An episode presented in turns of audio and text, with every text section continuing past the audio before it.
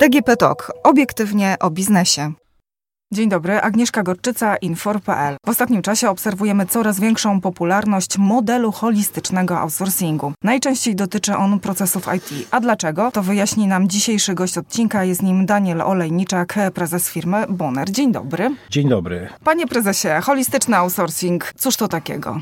Podejście do takiego holistycznego outsourcingu myślę, że jest takim następstwem trochę profesjonalizacji takich zachowań naszych klientów w kontekście supportu ważnych dla nich platform wspierających ich biznes. A po ludzku, tak. To jest kompleksowa usługa udostępniana naszym klientom w takim trybie długoterminowym i z reguły stanowi ona swoistą kontynuację procesów wdrożeniowych, które się kończą uruchomieniem jakiejś platformy informatycznej, która stanowi dosyć ważną przestrzeń dla naszego klienta, a następnie po wdrożeniu musi być utrzymywana i rozwijana. Także ten outsourcing zapewnia właśnie utrzymanie tej platformy i e, jej dalszy rozwój. Czy to jest kontynuacja działań, które w firmie już funkcjonują, czy to w przypadku firmy, która decyduje się w obecnej sytuacji na takie wsparcie, może spokojnie przystąpić, jeżeli u niej te procesy do tej pory były zerowe? Opowiem trochę przez pryzmat tego, czym zajmuje się Bonner, bo zajmujemy się wdrożeniami platform ERP i CRM w oparciu o Microsoft Dynamics i z reguły nasze projekty dotyczą zastąpienia jakiegoś wcześniejszego rozwiązania u naszych klientów i te systemy są dosyć strategiczne dla utrzymania procesów biznesowych. I z reguły po zakończeniu procesu implementacji e,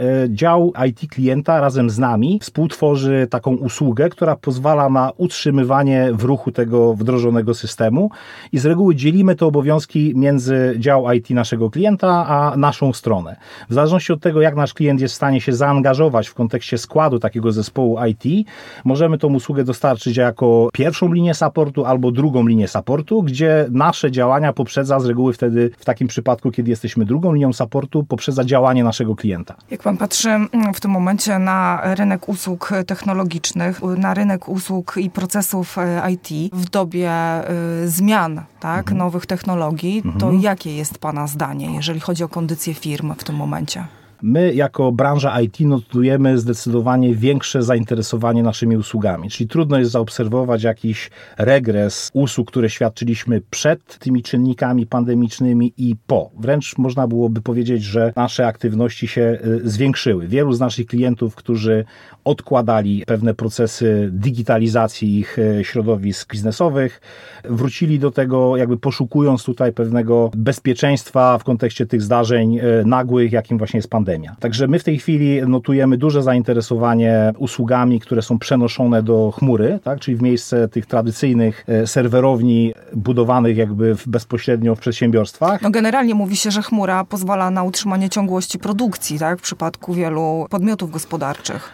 Tak, i jakby wcześniej w stosunku może do naszych klientów na tym rynku zachodnim obserwowaliśmy może większy brak zaufania do chmury w Polsce co pandemia nam się wydaje istotnie zmieniła. Tak? Czyli to zainteresowanie usługami chmurowymi e, zdecydowanie wzrosło i teraz w zasadzie wszystkie projekty, które realizujemy, dzieją się już e, w oparciu o platformy chmurowe. A jak w takim razie wygląda sytuacja, jeżeli chodzi o inwestycje firm? Dlatego, że wielu analityków, ekonomistów mówi, że firmy troszkę wstrzymały inwestycje ze względu na niepewną sytuację, jeżeli chodzi o ostatni kwartał tego roku. Mhm. Jak to wygląda z Państwa punktu widzenia? Czy faktycznie firmy te inwestycje na razie wstrzymują? Czy dokonują tam lekkich korekt? Jak to jest? Ja myślę, że y, oczywiście jest wiele branż, których pandemia dotknęła w sposób na tyle istotny, że jakiekolwiek inwestycje są jakby niemożliwe do prowadzenia. Natomiast y, w wielu branżach, które jakkolwiek spowolniły swoją działalność, jednak nie rezygnują z inwestycji y, w IT.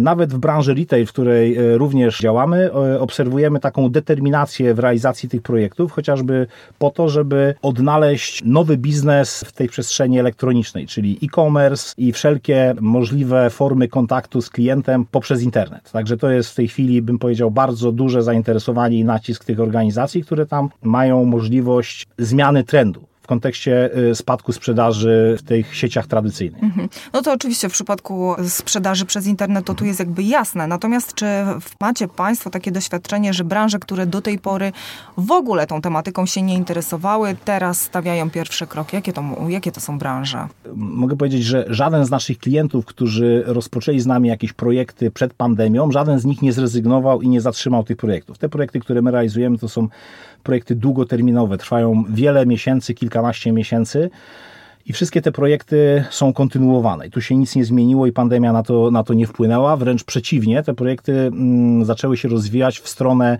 dodatkowych narzędzi, które dają szansę komunikacji z kontrahentami, nie tylko z klientami w tym modelu zdalnym. A jeżeli chodzi o czas, to jak to w ogóle wygląda, cały ten proces od strony dostawcy usług? Mm, pan tu wspomniał kilka, kilkanaście miesięcy. E, natomiast mhm. taki średni czas, na który firma powinna być gotowa, kiedy to zaangażowanie z jej strony jest wymagane?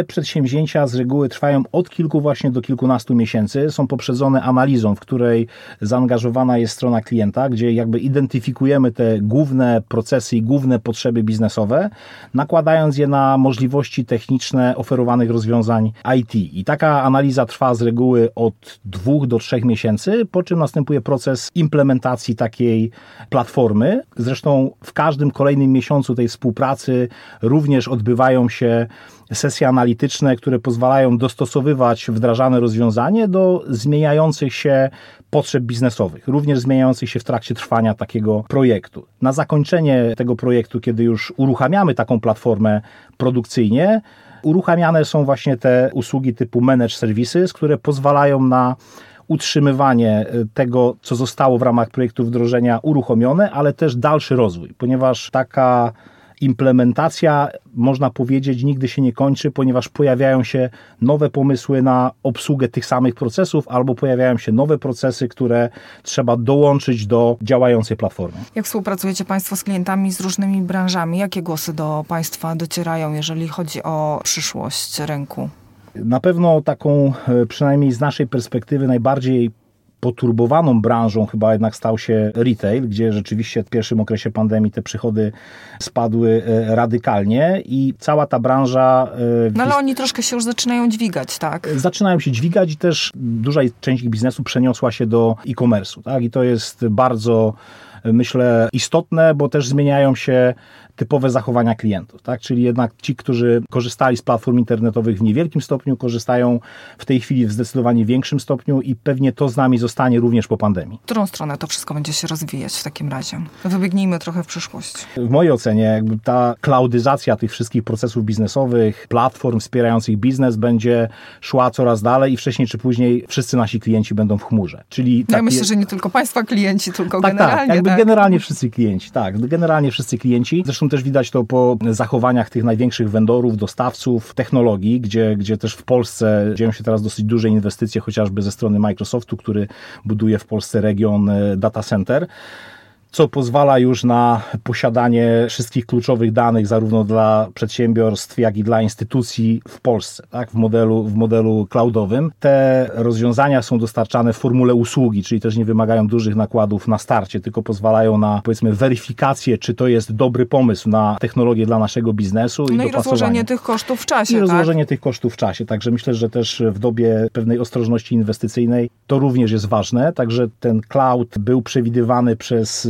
no, wielu obserwatorów rynków jako wiodącą formę dostarczania takich usług, natomiast pandemia to w sposób istotny przyspieszyła. A co z firmami, które nie podążą w tym kierunku? Ja nie mówię o branżach, które nie wymagają tego, mhm. tak, i, i spokojnie mhm. działają bez tego.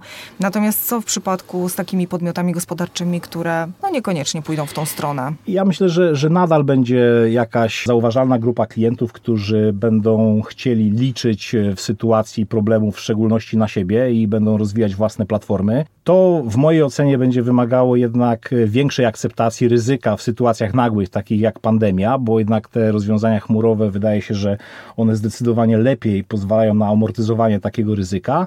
No i też będzie się wiązało z istotnie większymi nakładami inwestycyjnymi. Również po to, żeby stworzyć swego rodzaju redundancję, chociażby w zasobach, które będą supportowały te platformy własne, w razie chociażby jakiejś niedostępności wynikającej z ograniczeń pandemicznych. No na przykład, ale czy w sytuacji, kiedy znowu na pewien czas musimy y, swój biznes nie zamknąć, tak, ale w jakiś sposób wstrzymać, zamrozić mhm. na chwilę, czy ten outsourcing nie będzie rósł w siłę? Dlatego, że to jest, no jakby nie patrząc, y, minimalizacja wydawanych pieniędzy. No i przede wszystkim przerzucenie też odpowiedzialności. Ja myślę, że tak, to jest optymalizacja nakładów kosztowych i przerzucenie odpowiedzialności, ale w szczególności to jest możliwość oparcia się o kompetencje często niedostępne jakby dla naszych klientów, ponieważ nasze działa outsourcingowe z reguły budują doświadczenie w bardzo wielu różnych projektach i są w stanie sobie poradzić e, w związku z tym z różnymi zagadnieniami, które się pojawiają w trakcie supportowania tych przedsięwzięć z naszymi klientami.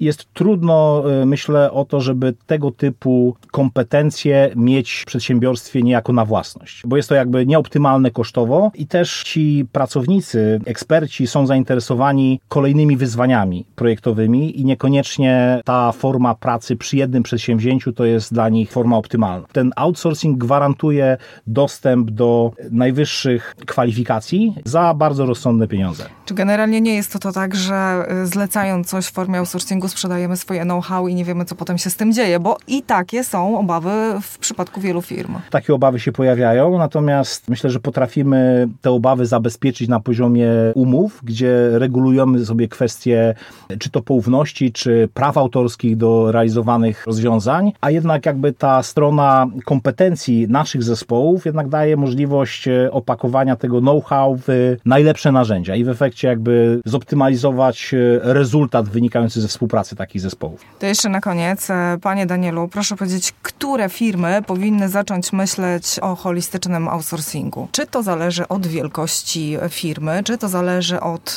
formy usługi, czy od tego, jakie mamy plany, co chcemy robić, a może rynki zagraniczne? Kto powinien się w ogóle nad tym tematem zacząć zastanawiać?